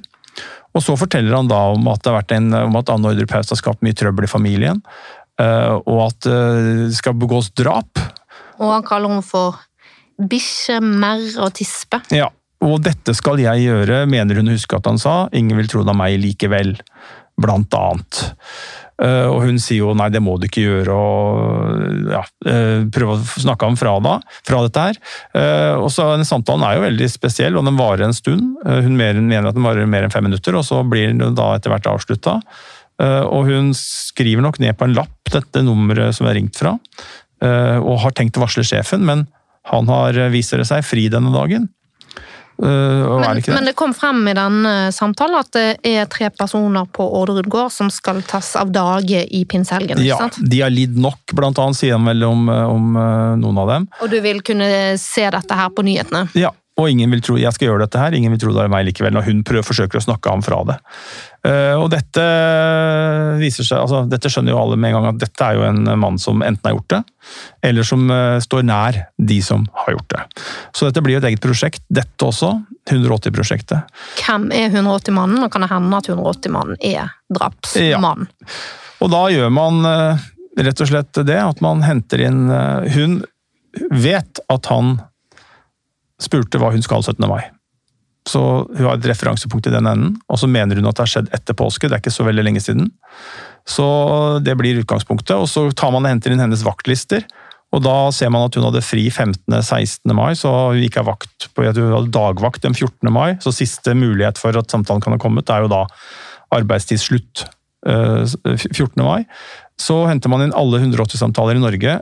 eh, 400, over 400 400 000. Så siler man dem etter noen kriterier. Man tar hennes vaktlister og plusser på en halvtime i hver ende for å være sikker på at hun ikke har kommet for tidlig eller gått for seint. Og så ser man da på lengde, fem minutter. Mer enn 15 minutter. Og så siler man selvfølgelig på at det må komme til Lærdal, hvor hun jobber. Eh, Og da blir 400 og et eller annet tusen samtaler til 508 eller noe sånt, tror jeg. Eh, Og en av de samtalene som man sitter med da, den er tatt fra Svaleveien 3, som er barndomshjemmet til Veronica og Kristin, og hvor Kristin Kirkemo da har bodd eh, på tidspunktet rundt drapene. Der er det tatt en samtale 12. mai som matcher disse kriteriene. Eh, Og dette blir jo hovedhypotesen til politiet, at det er den samtalen er tatt derfra. Og så er det noen ting som ikke helt liksom, jeg vil si stemmer med den hypotesen. Det er jo tatt flere 180-samtaler den dagen fra denne telefonapparatet. Og telefonapparatet det ble disponert av en fyr som var samboer med en av Kirkemo-søstrene. Ingen av de to som ble involvert i saken, men en annen søster. Og han driver et budbilfirma og forteller avhør at jeg ringte 180 en god del jeg, for å skaffe meg nummer til mulige kunder. Og hvis man skal se på det mønsteret den dagen, så vil jeg jo si at det tyder på at han har vært på jobb, og at han har ringt 180 flere ganger, både før og etter. Eh, og han var ikke aktuell som en 180-mann, så hvis man skal plassere en 180-mann inn der, så må man jo etter mitt skjønn se for seg et bilde hvor han jobber og ringer 180, og så kommer det inn en eller annen fyr eh, plutselig og ringer 180 han også, men da for å snakke om drap. Eh, Og så går han ut igjen, og så kommer uh, arbeidsbudbilmannen inn og fortsetter sin jobb. Jeg synes det jeg, jeg, jeg så ikke dette da, men det jeg har gjort etterpå, da, jobben jeg har gjort nå, så syns jeg dette ser veldig vanskelig ut. Ja, eh, og, men du har jo jobbet videre med dette sporet, og nå er det to minutter til du må gå. Sånn at du ja, jeg, jeg får strekke litt, strekke litt på det, da. Hva er det du har eh, funnet ut av? Nei, eh, det er ikke bare jeg som har funnet ut av det, men det, det jeg fikk høre i 2018, etter den dokumentarserien, hvor vi belyste dette 180-sporet veldig grundig, fordi at jeg gikk inn i Ja, for man kom vel til da at eh, det virket usannsynlig både at det kunne være Per og at det kunne være Lars. Ja, Per har jo vært lansert som en kandidat. Jeg mener det er helt uaktuelt og har ment det hele veien. Han passer overhodet ikke på noe vis. Eh, Han snakker ikke sånn, nei, nei, han ville hatt numrene fra før. Aldri, ja, hvorfor skulle han gjøre det? Han ville aldri ringt på denne måten. eh, Det er ikke typen til det, da. Den samtalen hun beskriver er ikke i nærheten av å matche han, sånn som jeg ser det, så jeg bare finner ingen treffpunkter i det hele tatt. Eh, Men man fant heller ingen andre da, som kunne vært der inne. Det var en kandidat, en venn av Kristin Kirkemo, som ble spurt om han var 180-mann, men han benekta det. Han kunne nok, men han sa 'jeg kunne gjort det hvis hun spurte meg', men hun har ikke spurt meg. Eh, Og Det er jo litt, eh, det er ikke en, det er ikke en, det er ikke en veldig direkte avkreftelse, vil jeg si. Der kan det ligge noe mer, men men det, der stoppa den, da. Um, nei, og så etter, Vi brukte mye tid i TV-serien på dette sporet, fordi at jeg gikk inn i TV-serien med en av de tingene jeg tenkte hadde et potensial for å komme videre på, var dette sporet. Eh, for jeg tenkte at eh, eh, hvis det ikke er Lars, og så er det ikke Per, og Lars var heller ikke knytta inn i denne boligen der, da er det for det første så er det jo, det er en kjempesituasjon. Det er jo en ukjent femtemann her som kan være involvert. Er her, er det, her er det en løs tråd som ikke går mot de fire, men som går mot en annen en. Og dette må det kanskje være mulig å finne ut av, da. Så jeg begynte å jobbe med det, og hadde et, det skal jeg ikke ta nå, men hadde et usannsynlig spor. Som var helt uh, dirrende, men som da viste seg å falle.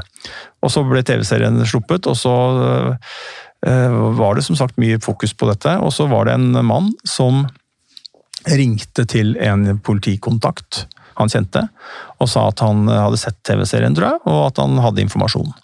Dette er blitt fortalt av eh, folk i politiet. Eh, han hadde informasjon som han ikke hadde kommet med den gangen, som han mente var relevant nå. Og så vet ikke jeg alt hva som er sagt, men jeg vet noe. Eh, og det er at denne mannen knytta seg til et bilverksted i Follo. Fra dette bilverkstedet så er det tatt en samtale av de 508. Så den ligger inne i denne 508 Ja. Og dette ja. bilverkstedet hadde hatt besøk av politiet på rundspørring, for det gjorde jo, politiet gjorde jo masse. De rundspurte jo, var jo, prøvde å kartlegge hver enkelt telefonapparat. Ja. Hvem kan ha hatt tilgang. Det var egentlig ganske da, imponerende å se hvordan de hadde jobbet med det sporet. Ja, det er veldig grundig.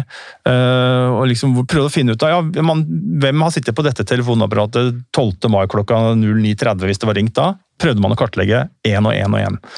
Eh, men han hadde hatt rundspørring på besøk, eller de på det bilverkstedet, og hadde sagt at nei, vi vet ingenting. Så da For det sier seg sjøl, det er mange ting du ikke kan komme videre på. altså Hvem ringte her? Noen har kanskje ja, det var bedrifter, det var alt mulig rart som var inni denne 508-lista. Eh, men han sa ja, han holdt tilbake informasjon, da.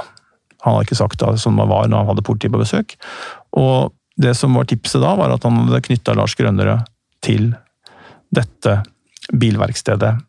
Uh, og at, uh, om, han om, han sa at han var innom den dagen, eller om han sa at han var innom i denne perioden, det vet ikke jeg, men han kom i hvert fall med informasjon som kan tyde på at Lars Grønnerud må undersøkes. Uh, at det kan ha vært han som har vært der. Altså er, han har vært innom bilverkstedet på et tidspunkt, og det er ringt derfra. Og så vet ikke jeg hva som er Det kan hende det er enda mer detaljert, men det, har, det, vet ikke jeg, for dette er det jeg fikk vite, og dette tror jeg kommisjonen, håper jeg, har sett på. da.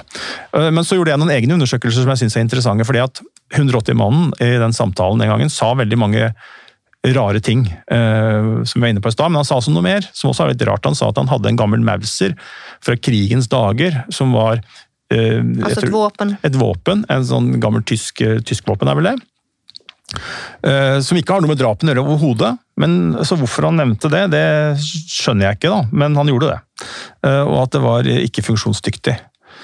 Eh, og så gjorde jeg noe som ingen andre har gjort. Jeg henta inn alle dommene på Lars Grønnerød når jeg skrev boka, og så gikk jeg gjennom dem. Og da gjorde jeg en oppdagelse som fikk nakkehåren til å reise seg. fordi at da visste jeg jo dette her med denne bilverkstedet og det sporet som pekte mot han. Og så skal jeg si at hvis jeg, i min analyse, ut fra hva som ble sagt, kunnskap og alt, så, men, så jeg, vi lagde en liste da vi jobba i Monster på moduskandidater på 180 uavhengig av eh, hvem som kunne ha ringt sånn rent fysisk. Og da sto Lars Grønnerød på, helt på toppen der.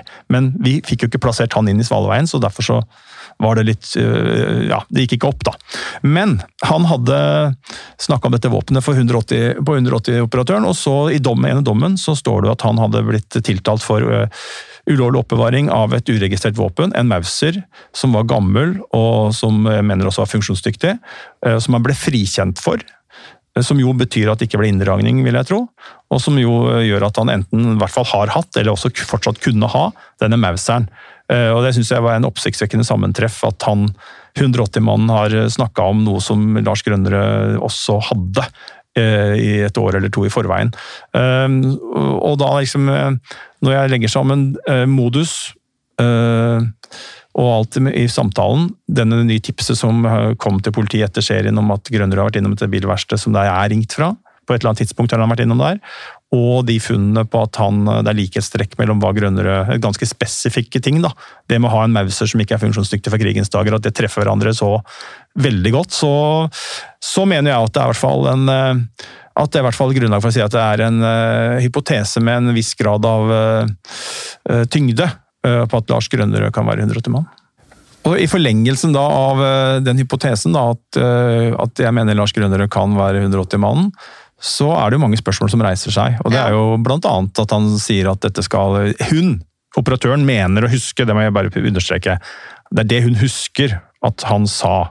At jeg skal gjøre dette, ingen vil tro det er meg, osv. Så, videre. så kan jo det være noen nyanser der som vi skal gjøre det, og, altså, bare så det er sagt. Men, men jeg tenker at i forlengelsen av det, da, så stiller jeg spørsmål ved om, om Grønnerød liksom ble vurdert uh, ja, litt, an, litt ble vurdert på en annen måte enn han kanskje burde, fordi at uh, Ja, for han blir jo trodd på ganske mye i retten. Og, og han var så overbevisende. Han slapp jo billig unna ja, i herredsretten sammenlignet med i lagmannsretten. Han satt jo i herredsretten, så fikk han jo to og et halvt år, så det sier jo alt om hvor overbevisende han var der, men også i, i lagmannsretten så var han jo veldig sånn Eh, hør på meg, liksom. Jeg har kommet hit til å fortelle sannheten, og jeg er ikke en som gjør sånne fæle ting. og Se på han der borte, han Per, han sitter og ljuger, han sier ingenting, vil ikke si noen ting. Altså, han, han eide rommet litt, da, tok litt tak og var øh, Og så fikk han jo 18 år, men, men jeg tror han klarte også øh, han, han spilte korta sine bra.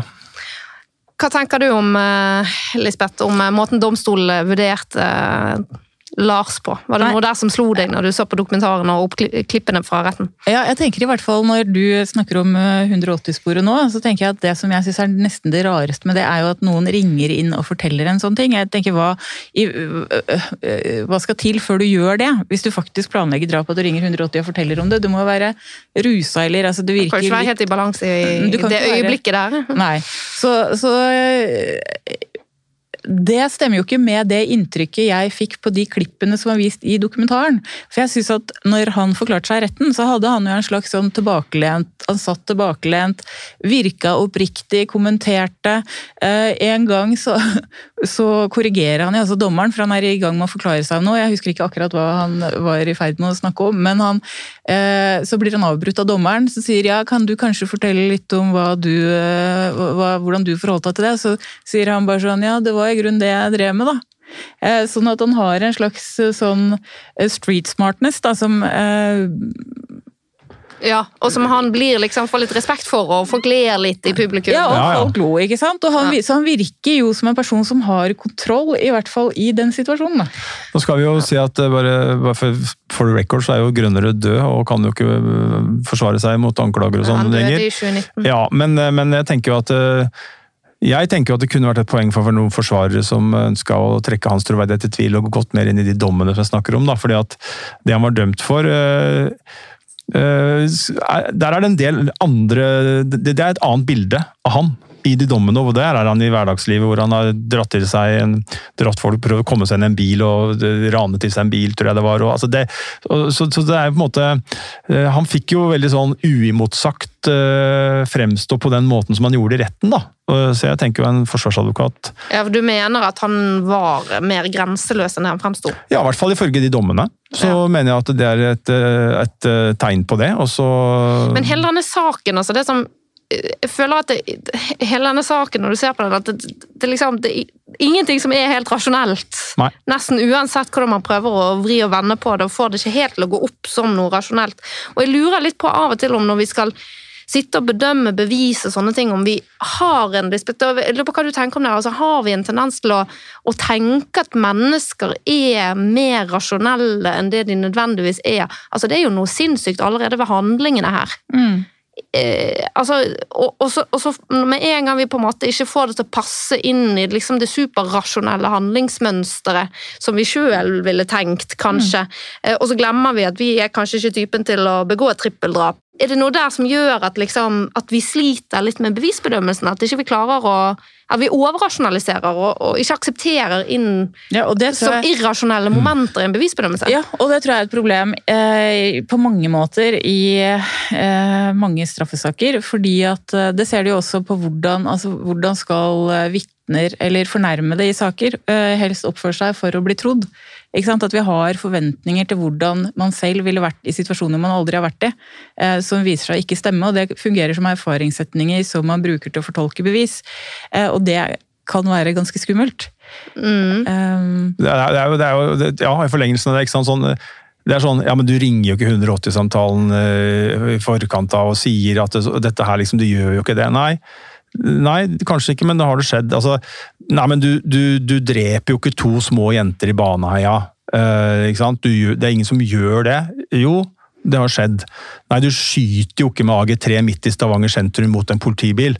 Du gjør jo ikke, Det er jo ingen som gjør det. Jo, Det gjorde Kjell Alrik Schumann. Altså, det er noe med at Og 180-samtaler har jo skjedd. Ja, altså, det har jo skjedd. ikke sant? Selv om Altså, vi jo ikke vet ja, hvem som ja, altså Noen har ringt. Eh, noen har ringt, Selv om det er, om det er Lars eller om det er noen andre, det, det får jo kanskje svar på en gang. Men, eller kanskje ikke. Men, men ikke sant, poenget er at det der, eh, nei, men det kan jo ikke være sånn som jeg var inne på før. Liksom, nei, men det kan, han eller hun kan jo ikke ha gjort det, og nei, det kan ikke ha skjedd.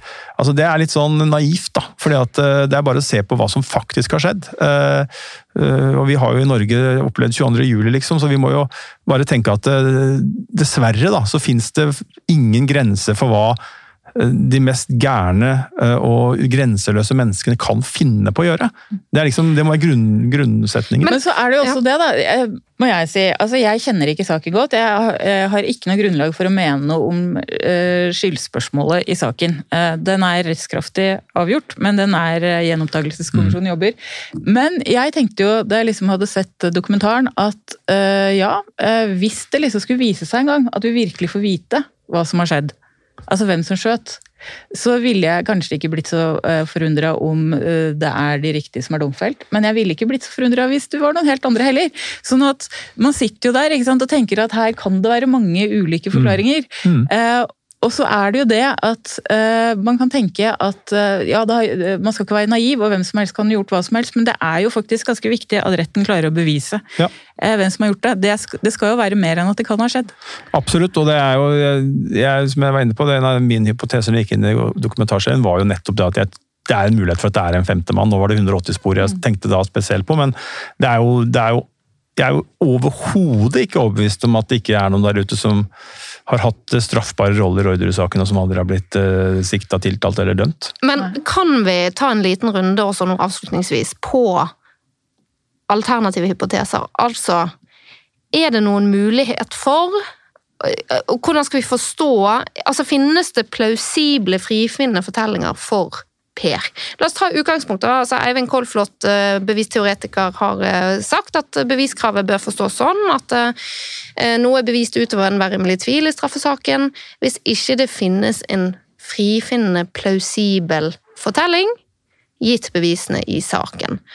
Um, og eh, Frode Hermik Pedersen skrev en eh, kronikk i prosa, eller en fagartikkel i prosa, der han analyserer denne Orderud-saken og dommene. Og han lanserer som en plausibel, frifunnet fortelling. Han sier ikke at det er det mest sannsynlige, eller noe sånt, han sier at det bare er plausibelt gitt alle bevisene. At det kan hende at Per har eh, hørt og vært med litt på planlegging, og sånne ting, men at han etter hvert har lagt det fra seg og tenkt at det ikke skulle bli noe mer ut av det. Og så tar Kristin og Lars, eventuelt med Veronica også, saken i egne hender. Ja, det er jo Kunne Kristin ha noe grunn til det? Hva er hennes eventuelle motiv for å gå inn? Kristin og Lars, og hva skulle være Lars sitt motiv til å hate Anne så mye som at han ville ringe en 180? Det har jo vært anført, eh, det har vært anført eh, et, et eh, utkast til et eh, testament eh, som tilgodeser sønnen til, da- sønnen til Kristin Kirkemo, øh, som ikke var undertegna, som ikke var som ekteparet Orderud. øh, Tilsynelatende, eller som var lagd til gunst for Kristins sønn hvis ekteparet Orderud skulle falle fra samtidig, tror jeg det var. Uh, og så Det har jo vært pekt på fra, fra ekteparet Orderud sin side at Kristin Kirkemo kan ha hatt motiv, eh, ja, enten det eller gjennom andre ting. Eh, Så der er det jo en Og det avviser jo hun på det mest bestemte. Hun peker jo på ekteparet som både de som har hatt motiv, og som har vært eh, de som har vært pådrivere. Og, eh, så, men det er klart at dette er jo det, er jo det som går igjen i hele Orderud-saken, er jo at eh, det mangler jo svar på spørsmål, og det er hull her som man gjerne skulle ha tetta. da. Og det handler om alt fra hendelsesforløp, og det handler jo om Det er jo en svakhet selvfølgelig at ikke noen er dømt for attentatforsøkene. Ikke sant? Det er jo, Og så er det dommer for medvirkning til, til drapene. ikke sant? Det er jo, Hvis man tenker sånn resultat i forhold til uh, dommer, så er, jo, så er jo utfallet ganske sånn i nedre sjikt. Man, man har ikke to uoppklarte attentatforsøk per definisjon, og man har ikke klart å peke ut en gjerningsperson for drapene. og det det er jo ikke noe sånn eh, Ut fra samfunnsperspektiv så er det langt fra noen ønskesituasjon. Så det er jo også rart da at hvis Per og Veronica var med på drapsplanlegging, ikke har gjennomført drapene selv. altså Det skriver jo lagmannsretten òg, at man tror ikke, altså man legger til grunn at Per ikke har vært på åstedet og skutt. Eh, men um, da er det jo merkelig at ikke de skaffer seg alibi for den natten, men er nede i nabohuset og uh, At ikke man fjerner dagboken, at ikke man uh, gjør noe med dette bordet og blir kvitt det. altså ja, Men hele den saken gjør jo at du stiller sånne spørsmål gjennomgående. Mm. Og når du ser dokumentaren nå, så det er jo veldig mange ting som er helt ubegripelige, på en måte. Og jeg syns jo eh, også bare hvordan eh, Kristin har åpenbart gått og snakket om, eller i hvert fall så er det vitner som sier hun har fortalt om det som skal skje, mm. det er jo også veldig rart å tenke seg at man skal gjøre det hvis man er delaktig i en eh, straffbar handling på den måten at man går og forteller det til alle mulige folk. Og så ble jo hun dømt for attentatforsøket i altså denne propanflasken, ble det, i tingretten, og mm. blir frifunnet for det i lagmannsretten. Ja, og, og Grønner var vel sikta, ikke sant. Og det er jo det samme tilbake, og ble henlagt da, men ikke sant, det er jo det er samme jo fordi man finner altså den dynamitten ja, og der er man jo... samme parti som dynamitt som man finner gjennom, Ja, det er litt det samme. ikke sant? Er jo, det, er jo sånn, det er mye som sirkler rundt uh, dette som altså, For en eller flere av de fire i denne saken er det mye mm. som sirkler rundt. og Dynamitten er jo var det enighet om at Lars Grønnerød hadde hatt, eid. Men så er jo spørsmålet om var det han som henta han, eller var det Kristin som henta han. Ikke sant? Og det, der, der, der, går jo den. Jeg tror øh, det har vært en damesko på åstedet.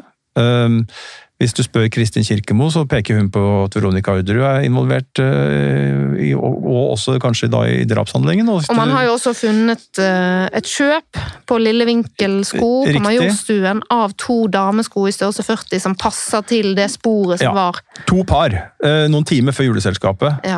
ble det kjøpt to like.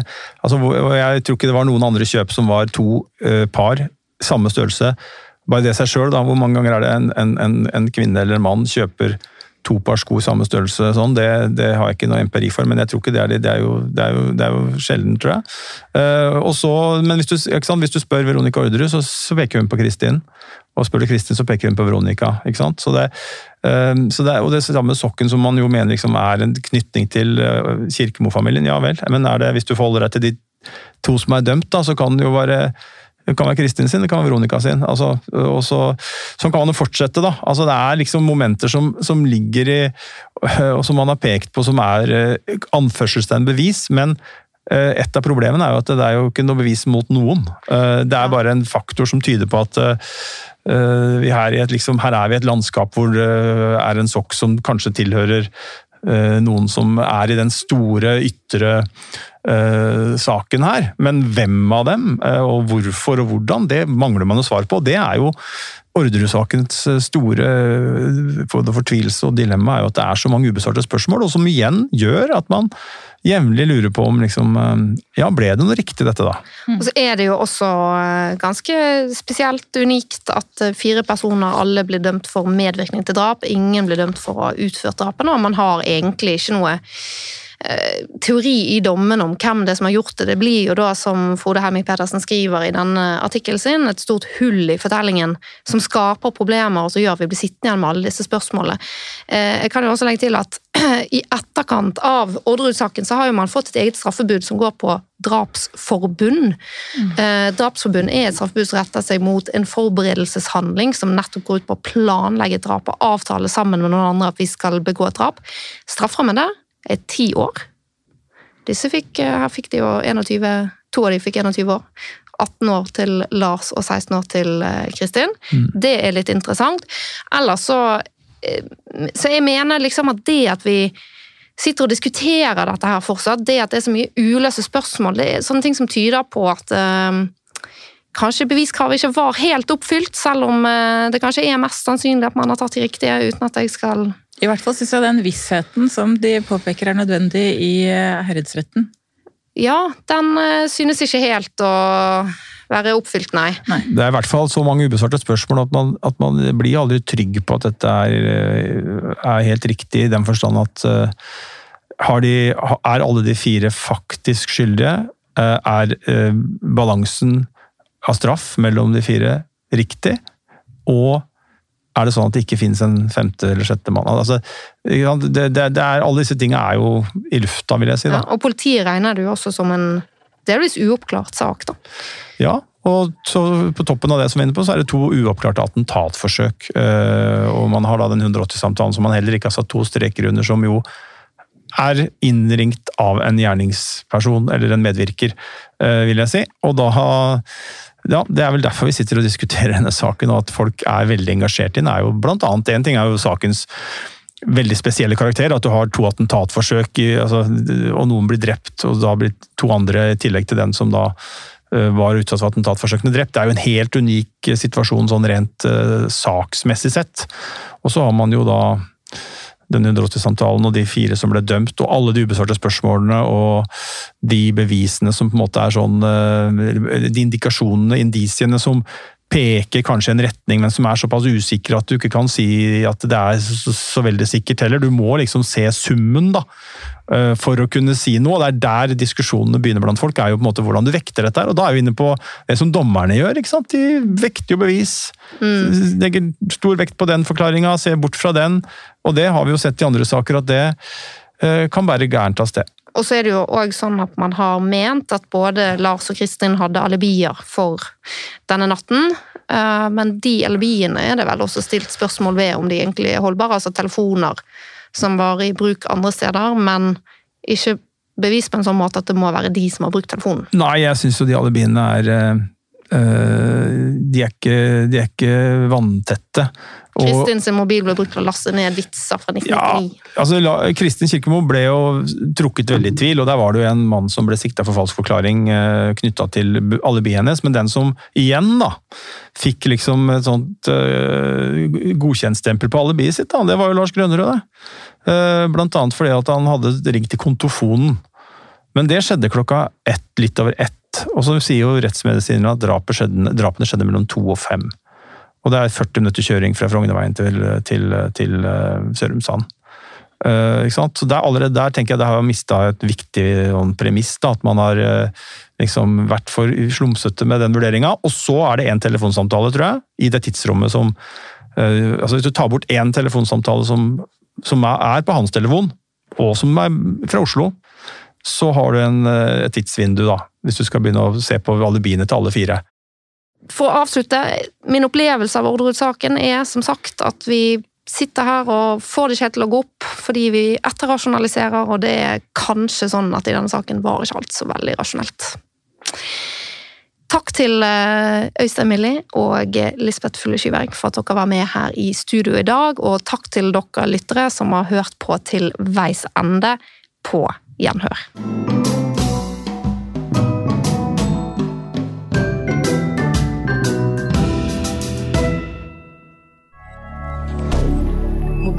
milliardaire